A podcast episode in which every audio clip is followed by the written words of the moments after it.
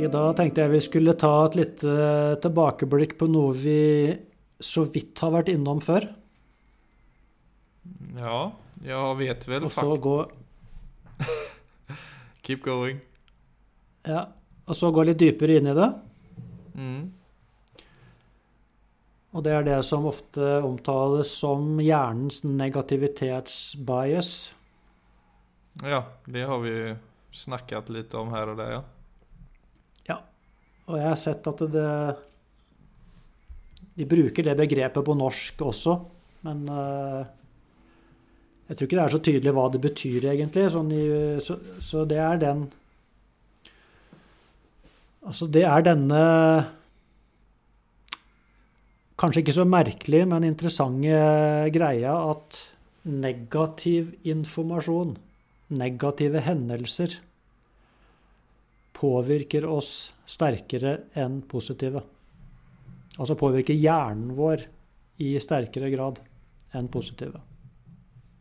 Ja, og gjør det også at vi er mer opptatt av det enn Eller at hjernen er mer opptatt av det, kanskje mer, enn de positive. Ja, det nettopp. Som gjør at vi fort kan bli altså fanget i negativ informasjon. Egentlig at, at eh, negativ informasjon, negative hendelser, negative minner Og selvfølgelig også projisere det inn i fremtiden. At det i verste fall kan, eh, kan ta over hele sinnet vårt. Fylle hele oppmerksomhetsfeltet vårt. Mm. Uh, og hvis vi ser på Altså hvis vi går tilbake i tid, da. Det er jo at eh, egentlig denne Jeg skal kalle det funksjonen i hjernen vår har vært viktig for overlevelse. Og, og litt sånn eh, Altså hvis, hvis du gikk glipp av negativ informasjon, eller hvis du overså negativ informasjon, så kunne det få veldig dramatiske følger for deg. Og det kan du jo selvfølgelig en dag i dag, hvis du Hvis det er en eh, Altså viktig, viktig negativ informasjon. Hvis du gir blaffen i det, så kan det få alvorlige følger. Litt sånn som de som f.eks. Eh, tror at eh, eh, koronavaksine er fake news. Det er jo mange av Mm. de som, hvor det har fått veldig dramatiske konsekvenser for, f.eks. Mm. Mens hvis du går egentlig Hvis du ikke tar positiv informasjon så alvorlig, så får ikke det, det får ikke nødvendigvis livstruende konsekvenser for deg. Litt sånn à la Hvis jeg sa til deg det er veldig, et veldig godt soppsted oppi hogget her Ok, så gikk du Mm. kanskje glipp av noe bra sopp. Hvis jeg sa det er en bjørn som lusker oppi feltet her, så tenkte jeg ja, det gir jeg faen i. Mm. Så, så, så, det er, så det er så enkelt, egentlig. Mm. Så Ja, det skal mer til. Det skal ligge noen millioner der oppe i skogen. Det skal ikke være noen små Ja. gullsvamper som ligger og drar. Ja, til, det vet til og med hvis det var gull eller millioner, så Så hvis du ikke tok hensyn til det, så Ok, så var det fortsatt ikke livstruende for deg. Nei. Så, så det er på en måte egentlig mekanismen i det. Mm. Eh, Jeg har akkurat lest en bok som heter eh, 'The Power of Bad'. Som tar for seg eh, Det er egentlig en hel bok om denne preferansen hjernen vår har for negativitet. Og hvordan det påvirker hverdagslivene våre altså i, Mm. eh, som moderne mennesker.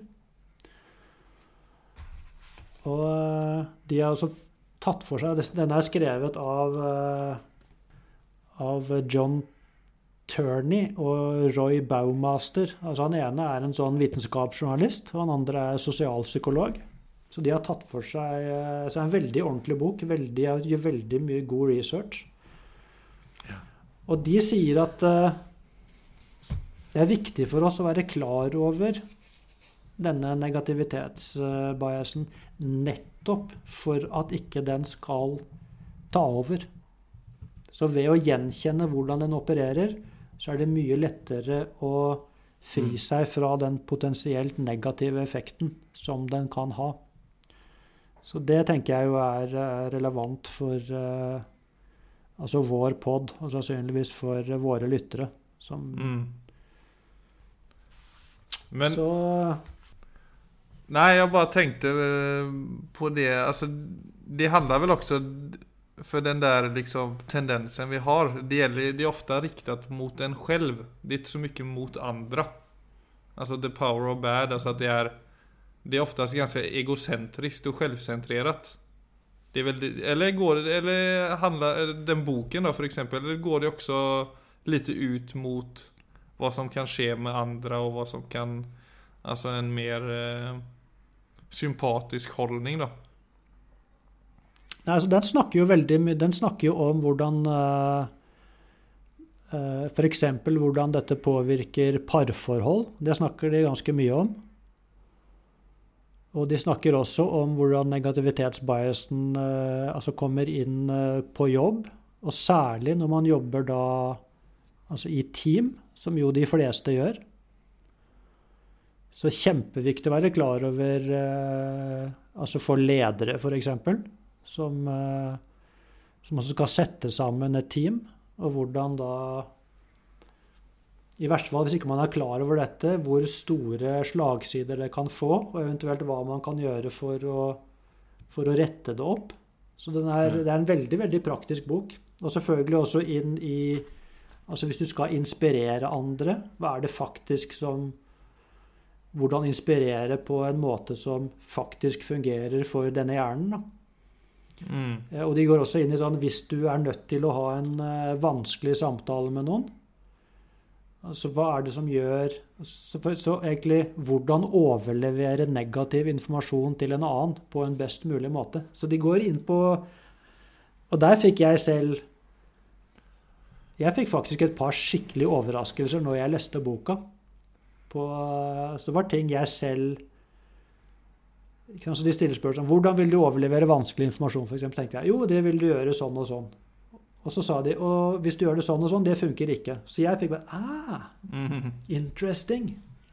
Så jeg lærte masse av å lese denne boka selv. Ja.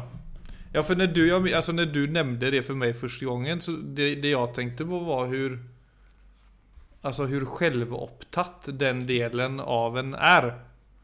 Alltså så som Alltså en sorglig sanning som jag kan minnas från mitt egna liv at att jag på en begravning kan sitta och icke bli så väldigt berörd. Men om någon har kritiserat mig för exempel. Alltså inte något våldsamt men bara kanske anmärkt på något. Så kan jag liksom vrida mig själv i plågor. Och det där gör, alltså den Ja. där Alltså den, återigen, självcentreringen man kan besitta blir ju så banal. Alltså vårt lilla ego som sitter där och är så sårbar. Jepp. Og det Ja, jeg vil si i hvert fall denne, denne funksjonen i hjernen bidrar jo i hvert fall enormt til en selvsentrering som er utrolig usunn, og som kan eh, Altså som ødelegger og bidrar i stor grad til enormt redusert livskvalitet.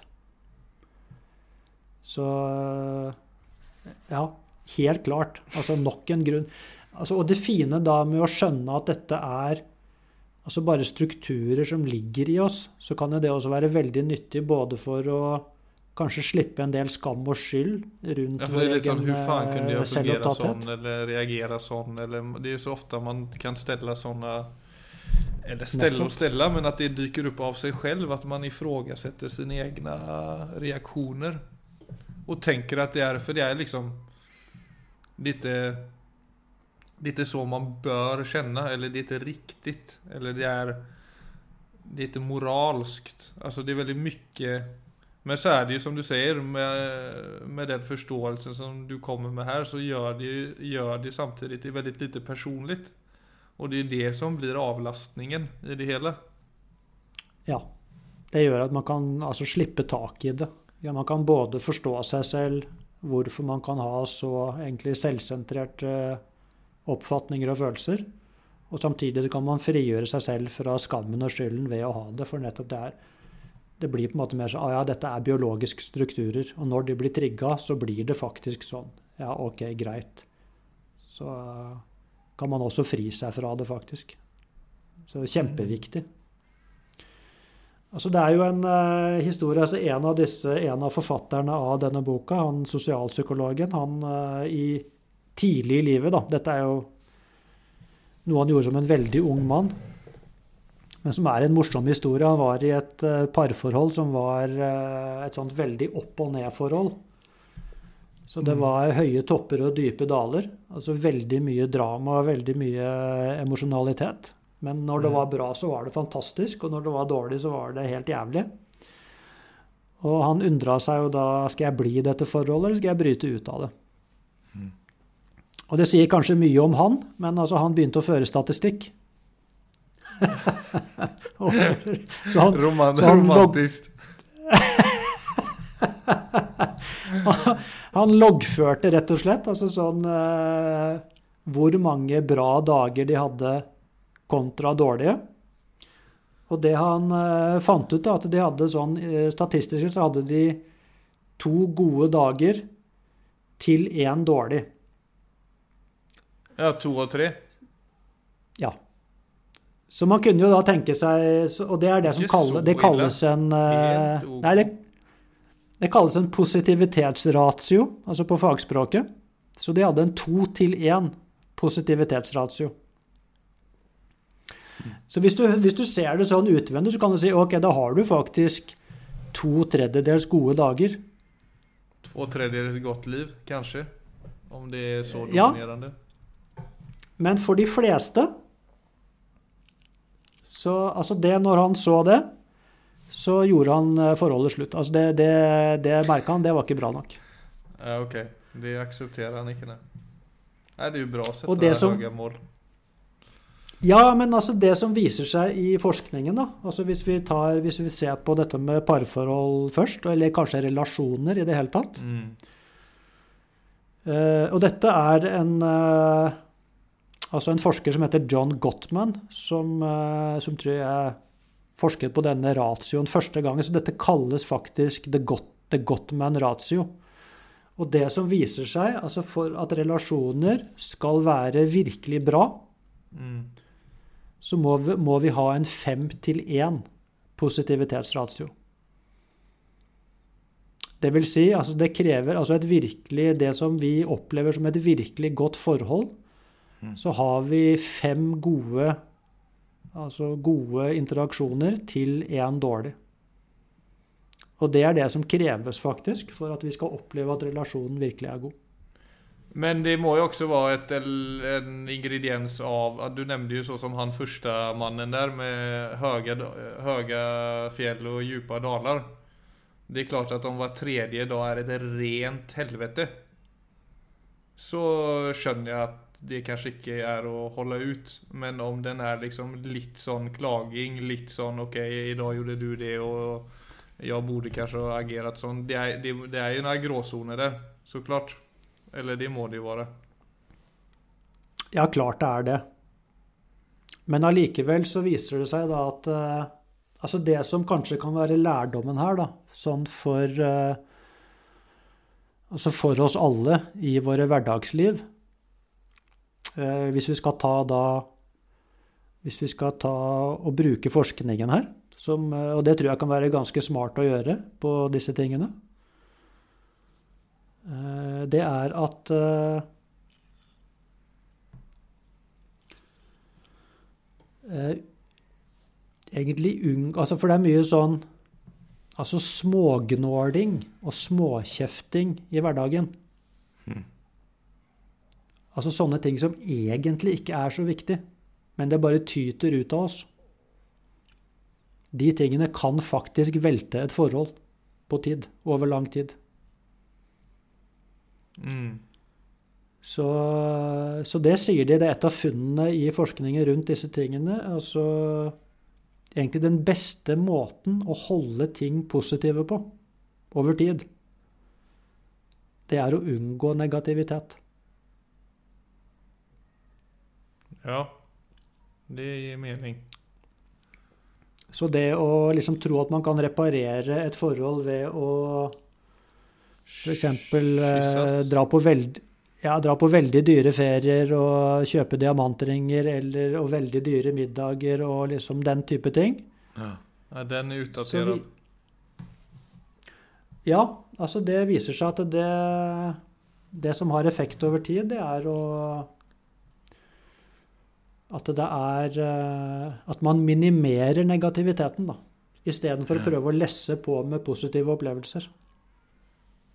Ja, og jeg tror alle relasjoner eh, til en viss grad kan si seg enig i at det er veldig mye av det man krangler om som er unødig. Jeg vet ikke hvor mange ganger jeg selv har brukt det ordet, men det er ganske mange i mine dagar eller i mina relasjoner, Att, eller i alle fall tenkt for meg selv at okay, det där var ju utgangspunkt 100 unødig. Ja, hvis man skjønner at de tingene der eh, altså faktisk har en betydning når det akkumuleres over tid, så kan det også være en del ting man eh, man lettere gir slipp på. Altså sånn for å investere i, eh, i forholdet. Det er ikke alt man trenger å peke på. Og det er klart, hvis du ser på partneren din, altså hvis man eh, det er jo veldig vanlig når man eh, går inn i et forhold at man har en sånn honeymoon face, hvor, eh, hvor man seiler av gårde i positive erfaringer. Og så begynner man å lande, og så begynner man å se den personen sånn som han eller hun er. Mm. Og Altså Én ting er vi selvfølgelig hvis man oppdager at dette mennesket kan jeg ikke leve sammen med. Det, så er det selvfølgelig ikke noe man skal overse. Men altså det kan være Det vil alltid være noe hos den andre som man irriterer seg over. Mm. Og hvis det får for mye vekt, og ikke du, altså du begynner å henge deg opp i det, så skal det veldig mye til for at den relasjonen vedvarer, f.eks. Så hvis du kjenner at dette er et menneske du er glad i, så kan det være nyttig å egentlig ta et valg. Og si det er en del ting her som jeg faktisk er villig til å slippe tak i, for dette mennesket elsker jeg faktisk. Så gjør du deg selv og forholdet en stor tjeneste ved at det er noen ting du sier det lar jeg faktisk bare gå gjennom, og så fokuserer jeg på de altså andre tingene som jeg faktisk setter stor pris på, at det kommer mer i forgrunnen. Og så kan de Mm. små, egentlig småtingene de kan få lov til å komme mer i bakgrunnen. Ja, jeg ten, altså, Fordi at negativitet- jo, Nei, jeg skal bare skyte inn med at det er Altså det å mogne i en relasjon då, alltså jag, jag har selv egentlig det du snakker om der, det å liksom kysse For det blir jo litt å kystere på den andre. Kan du ikke gå kledd litt sånn, eller kan du inte fixa håret på ett annat sätt eller kan du inte vara lite mer proaktiv när vi är i sociala sammanhang? Alltså det är ju... Det er jo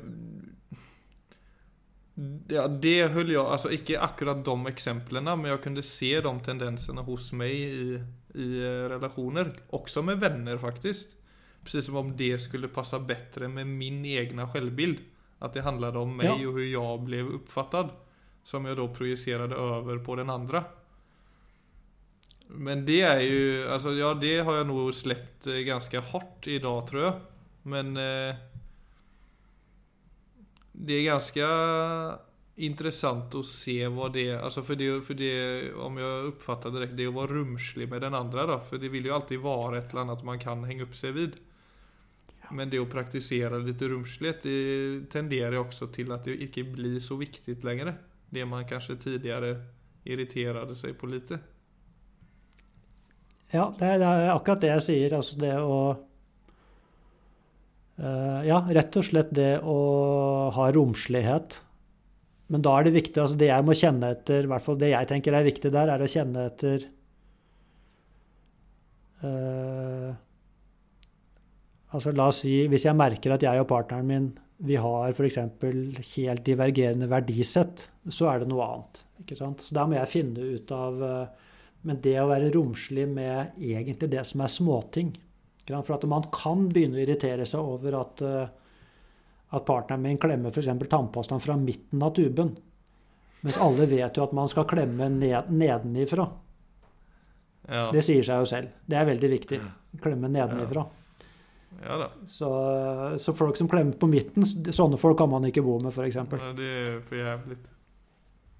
Eller det å man Jag skulle tagit bilder. Jag, jag skulle sett eh, hur den här, vår diskmaskin såg ut tidigare idag. Det var nästan att jag skulle ta bild av den faktiskt. Alltså Ja. jag og Gitte er kompletta motsatser når det kommer til ordning og rede. Ja, nettopp. Og det er det veldig mange som er, som bor sammen. Og det kan jo nettopp fordi man Altså, det er jo motsetninger tiltrekker jo hverandre. Og de motsetningene vil plutselig få komme kom Jeg og Vivian også. Det er eh, Altså, hvis jeg setter inn i oppvaskmaskinen, så kan det se ut som en slagmark. Hvis hun, eh, hvis hun gjør det, så ser det ut som det er en matematisk formel. Ja, der er jeg med som Vivian. Ja, jeg kan nesten føle ting. at Gitte provoserer meg. Altså, jeg kan være sånn kniv, kniv, kniv, kniv, kniv, gaffel, gaffel, gaffel. Og så kommer jeg inn der i dag, og så ligger det framme. Det ligger ikke bare hulter om bulter. Det ligger matrester overalt. Over alle, alle gafler og Ja, ikke sant? Og det er jo klart at sånne folk kan man jo ikke bo med. Nej. Men jag har... Eh, alltså, Nej, men vänta, bara för att fortsätta Vänta in på det positiva här. För jag har faktiskt börjat tycka, Ja. sjukt nog, alltså det är mycket med Gitte som jag irriterar mig på. Men jag tycker faktiskt att det är lite charmigt och det tyckte jeg ikke for två, tre år siden. Veldig bra. Nettopp. Ikke sant? Og det, akkurat det du snakker om der, handler om innstilling. Det er, det, det er mulig å snu irritasjon faktisk til å se ah, dette er jo det mennesket jeg elsker på denne jorden. Ikke sant? Hun er sånn. Det kunne ikke falle inn meg å gjøre det, men det er jo akkurat en av de tingene som kjennetegner det mennesket jeg elsker. Jeg hadde ikke fått sove hvis jeg hadde gjort det på den måten. Nei, men det er det. Så- jeg er helt enig. Det, ja. Det, er, det ligger noe i det altså. Ja, det ligger, noe, det ligger noe veldig viktig der, faktisk. Så, og selvfølgelig Så det er den ene tingen. Altså litt romslighet med den type ting. Og til og med kanskje se at du vet, Hvis det mennesket plutselig lå for døden, så er det jo ofte den type ting du ville gråte en skvett over når du huska på det. ikke sant? Herregud, altså nå skal, Mm. Tenk hvis det plutselig ble borte. Ja, du ser den bilden framfor deg, liksom. Ja, så er det plutselig det som rører deg. Ja, det er, det er 100% sant. Så der, så der i, sånn, i hverdagsstresset så er det lett å begynne å lage konflikter på ting som egentlig ikke betyr noe. Og det kan være mye mer ødeleggende enn det vi faktisk er klar over. Nettopp på grunn, Og det igjen kan tilbakeføres til denne negativitetsbiasen. Mm. Uh, at vi kaster det- egentlig den biasen på hverandre. Om vi ikke er ja, den, den, den tar over, i verste fall.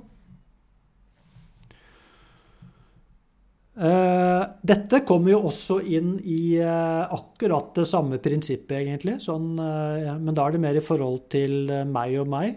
Men altså hvis jeg prøver på vaneendring? La oss si eh, følge en diett, eh, trene tre ganger i uken, meditere hver dag, eh, gjøre yoga regelmessig. Altså alle de tingene som Og de fleste mennesker altså, har jo et eller annet eller flere sånne prosjekter gående. I verste fall Mm. hele tida. Og der er det veldig fort gjort å bli sort-hvitt. Og det som er konsekvensen av det, det er at La oss si jeg går på en diett, og så er det det man kaller Og så sprekker jeg. Mm. Så er det veldig ofte sånn at det å sprekke én gang ødelegger hele dietten. Eller hvis jeg faller ut av Altså meditasjonsrutinen min. Ja, det er akkurat det. Mm. Det er liksom akkurat som alt er ødelagt, for det, det har gått galt én gang. Mm. Og der, der anbefaler de faktisk mye mer å istedenfor å få en sånn sort-hvitt-greie At du, hvis du klarer å få Og der sier de ikke Jeg vet ikke hvorfor, der bruker de ikke den der eh, Gottmann-ratioen på 5 til 1, men der bruker de mer sånn 4 til 1. Så la oss si at jeg skal eh, Ja, sånn som mange som jeg snakker med, da, som, eh, som blir inspirert til å begynne å liksom skal få i gang en meditasjonspraksis eller en mindfulness-praksis. Mm. og så kjenner de at det er nesten umulig å få det til hver dag, så ville de si hvis du klarer å få det til eh, fire dager på rad, og så kanskje det glipper én dag, men istedenfor å bli så at det får så mye fokus, legg heller vekt på at du får det til de fire neste. Så hvis du får det til fire, fire dager, og at det mm. glipper én, men du får det, får det til fire til én, så sier de det er å lykkes. Så, så, prøv heller å søke mot det istedenfor den 'nå må jeg gjøre dette hver dag, ellers er jeg mislykket'. Så hvis du mm. får det til sånn cirka i et fire til én-ratio, så er det kjempebra. Og det er mye lettere å få til, og mye lettere også da å Så den ene dagen jeg ikke får det til, istedenfor at den blir så Jeg kommer så langt frem i bevisstheten. Mm så er det mye bedre å vende fokuset mot uh, de fire foregående dagene jeg har fått det til, eller det at de fire neste, så skal jeg opp på hesten igjen. Som er selvfølgelig mye lettere å få til også. Mm. Så det er jo en veldig enkel justering, det òg, men, uh, men, ofte noe man vil kjenne. Ja, det kan jeg få til. Og det er en mye, mye smartere måte å snakke til seg selv på. Jeg tenkte spørre deg, det er ikke fare for at det blir et sånt opplegg da bare? Akkurat som du skal bestemme deg for å løpe varannan dag så skal du meditere fyra dager og så paus en dag og meditere fyra dager og så Eller det er bare en, et, et faktum at det er det som skal til for at det skal være en effekt? Ja, de snakker det er, Dette er liksom mer sånn uh Altså det er sånn denne For jeg mener, det kan jo være et, et, et, uh, utmanande uh, treningsopplegg det også, mener jeg. Meditere fire dager, og så pause en, og meditere fire dager. Og... Skjønner du hva jeg mener? Ja, jeg skjønner, skjønner, veldig godt hva du mener. Men jeg tror, eh, jeg tror det de snakker om er som er lærdommen. Jeg tror det er mer det å skjønne prinsippet. Altså for det som mm. ligger i denne altså negativitetsbiasen, det er at ett avvik eh, er ofte er totalt okay. ja, Nei, ja, det er helt OK, men det blir ofte helt ødeleggende for oss. Ja. Det er som om for at den ene Altså det ene avviket, eller den ene dagen hvor jeg sprakk på dietten, eller den ene dagen hvor ikke jeg fikk gjort yoga eller meditasjon, det er en tendens til at det blir At det står og skriker deg i ansiktet. Mm. Og at det blir veldig overdramatisert. Mens det de egentlig sier, det er at eh, det er ikke så farlig om det ikke får det til hele tida. Det er mye bedre for at det er stort Altså hvis La oss si Nei, det, er mer, det er mer en påminnelse om at du er menneske, nesten. Ja, faktisk. Altså, for det, dette er selvfølgelig mer sånn Hvis du har Altså Hvis du har lyst til å etablere en meditasjonspraksis eller en treningspraksis eller spise sunt eller sånne ting Hvis jeg er motivert, så får jeg det jo til mesteparten av tida. Mm. For, for, det er jo det jeg har lyst til. Ja. Og det at de dagene hvor det sprekker eller ikke, som er nødt til å komme, så er det mye lettere å slippe tak i det og si ja, det er ikke så farlig, det var jo bare Det skjer jo innimellom, liksom. Det skjer jo ca. hver femte dag. Og hvis det skjer ca. hver femte dag, så spiller det ingen rolle. For da er du på en veldig god trend. Mm. Og det sier de også sånn, så det er i forhold til eh, kanskje etablering av nye vaner. Men det vil også si at det samme kommer inn på Altså hvilke forventninger har jeg til meg selv? Altså hva er det Altså dette kanskje perfeksjonsidealet, da, som er vel ganske fremtredende for tida. Mm. Så det å være perfekt Og det sier seg jo egentlig selv at det er jo en veldig dårlig inngang til livet. Mm. Men det ville si en variant av det samme der ville si ikke, ikke søk mot det perfekte. Altså søk mot det som er bra nok. For at sånn er det for de fleste av oss. Altså det vi gjør i det daglige, det er mer enn bra nok. Mens hvis jeg setter listen opp mot eh, mot det perfekte, så er jeg nødt til å rive. Det, og det igjen handler egentlig bare om eh, negativitetsbiasen. At én liten ripe i lakken, akkurat som om da er, da er alt ødelagt. Sånn Ja, men det er jo Altså, du søker jo et liksom åtråvært ytre. Eh, for när du sier, att at det, man, det er helt ok å være bra nok. Eh, nu kan jeg ju bare snakke for meg selv, men da kan jeg kjenne at det kan, det kan jeg kjenne er Alltså, På två plan, då. Ett plan i meg søker et eh, ekstraordinært yttre. Som du kan kalla ytlig og överfladiskt. Men et Ja. annet er veldig eh, glad bare for å være ved live. Om jeg skal ta det Ja. ned der. Ja.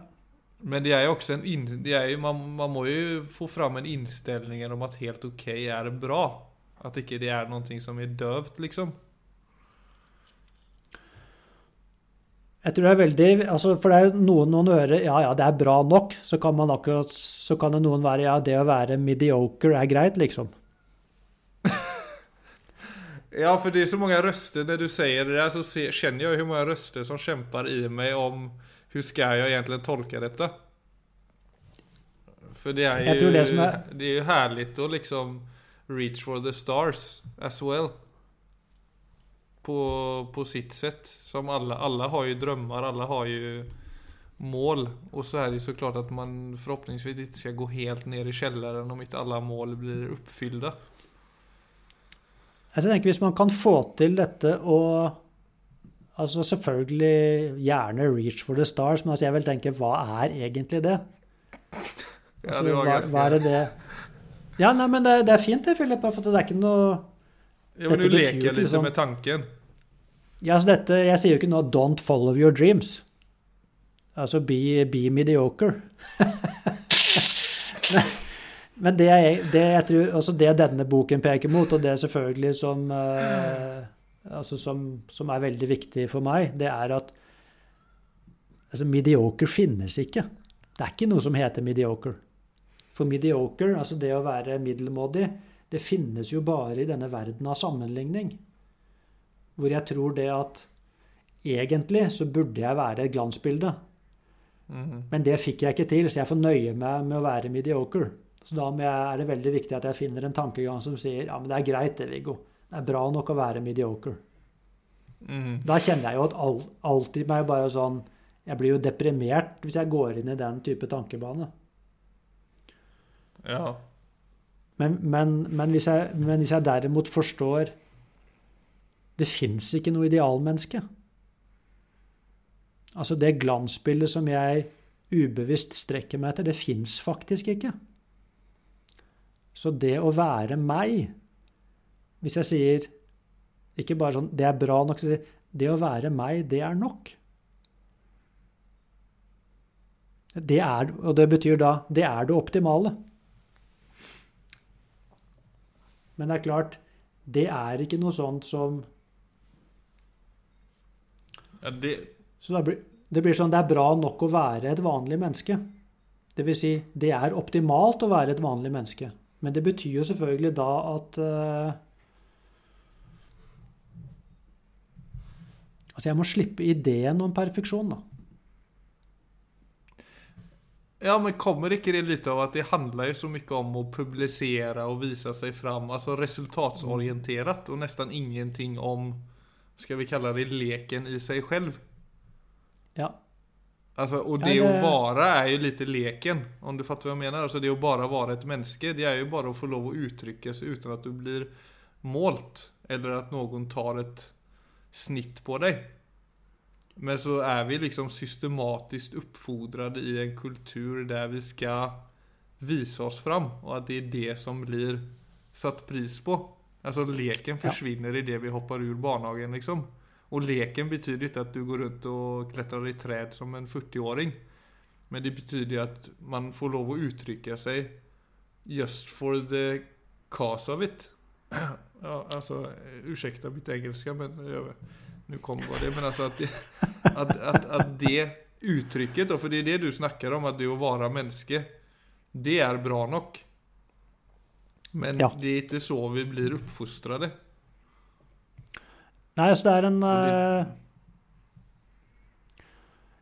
Nei, så kanskje, nei, og hvis du, i hvert fall, hvis du vokste opp med det, så var du veldig heldig. Men det er klart, til, til og med hvis du vokste opp med det i hjemmet ditt, så vil det jo være så mange krefter i kulturen som sier det er noe motsatt. Så ofte så er det ikke Og jeg tror eh, Altså, vi lever på så mange scener i dag. Dette har vi vel også snakket om før, tror jeg. Men det er klart Det er så sterke krefter som sier det at det å være eh, Bare det å være meg er ikke bra nok. Det å være et vanlig menneske, det er ikke bra nok. Du må være ekstraordinært. Og, og det er klart, da er det game over. For at hvis du mikser det med alle disse biologiske mekanismene, og selvfølgelig negativitetsbiasen, så tar den over. Da går den berserk. Og så har du egentlig da lagd en oppskrift for det å være menneske. som er, Det er en matematisk formel som er umulig å etterleve. Mm. Så, så, så det, er, det, er, det, er jo, det er utrolig interessant. Men det er klart dette er også så sterke krefter. Og det er derfor den type ting som, eh, altså som jeg ønsket å snakke om i dag, da, altså dette med, med denne negativitetsfunksjonen i hjernen, det er derfor det er så viktig å være klar over det. For at Mm. når, den, egentlig, når biologien vår mikses med kravene i kulturen, så blir Ja. det en cocktail som drar meg ned. Som vi Som egentlig gjør at uh, alle går rundt og er smådeprimerte og føler seg som litt for dårlige.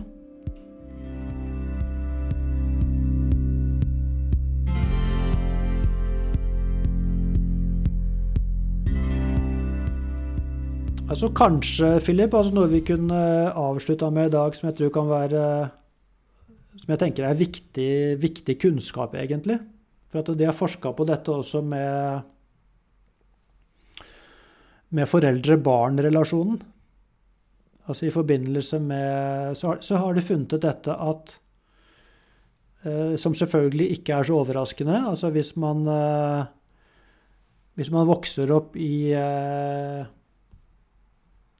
Altså med rett og slett altså sånn uh, Skal vi kalle det altså abusive? Altså sånn uh,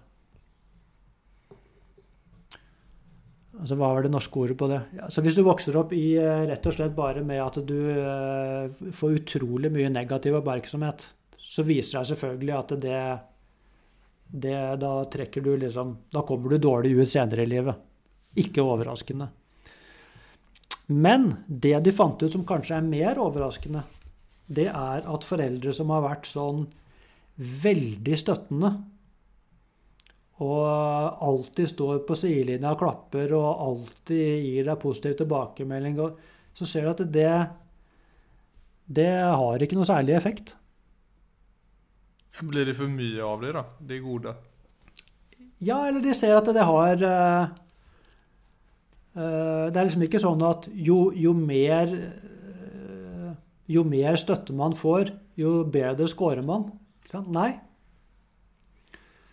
Men derimot det du fant ut at det å, det å minimere det negative, det er mye viktigere enn at man står sånn og hele tiden piling up the positive. Alltså det, ja, för du, alltså ett barn växer ju upp i en diktatur. Alltså där föräldrarna är diktatorn och det är ju hundra kommanderingar man ska förhålla sig till dagligen. Ja. Jag tänker, är det mer nej och en mer inställsam kritisk blick mot liksom barnets idéer eller drömmar och mål än vad det är stöttande. Så tror jag att det ska så mye til for at man ikke etablerer en känsla av litt så värdelöshet hos barn. Ja, nei, altså den der eh, liksom ideen om å hele tiden stå på sidelinja og heie, den eh, kan man i hvert fall slippe tak i. Og det kan jo kanskje være like deilig for foreldrene som for barna. Ikke sant? Å se at det, det har ikke noe effekt, rett og slett. Altså det Og det kan jo også gjøre at eh, altså forventningene til hva man skal få til som forelder, det kan man kanskje også slappe av litt på. Altså det er igjen, da, så er det noe med å Altså hvis man får liksom the basics, hvis man får det i orden, så holder det faktisk. Jo, men jeg tror det er fella mange foreldre går der, at du, man, Når man blir, Når man liksom blir, säg uppfostran da, Så blir det, så kan, ja du kanskje ikke behøver tenke at du skal være perfekt som du sier nå, og være støttende, Men at man som forelder fort kan få barnet til å kjenne litt sånn at man gjør fel eller at man er i veien, at man ikke har tålamod. Altså om vi da skal snakke om det negative bias litt her, at jeg tror det Mm. Jeg tror ikke man skal bagatellisere rundt den delen heller. For jeg vet at det er veldig mange på en subtil måte kan liksom forma en slags värdelöshet. Bara for Ja, at väl på en subtil måte har liksom Nei, det er sånn ser ut, nej, det er rett. du försöker slå en spik riktig, men Nei, du får flytte deg. Jeg gjør det selv. Altså, du vet det er mye sånn Det er små ting som ikke man nødvendigvis registrerer så mye, Men som har en stor innvirkning på barnets følelse av det å faktisk ha en verdi ja. og bidra. Ja, nei, det er nok mer de tingene man helst skal søke å minimere. Så, så kanskje det er mer det egentlig å gå Det å ikke stå i veien hele tida. Verken på, på den ene eller andre måten. Altså, det er noe med Som alt i naturen, altså gi det, det rom til å vokse på, på egen hånd.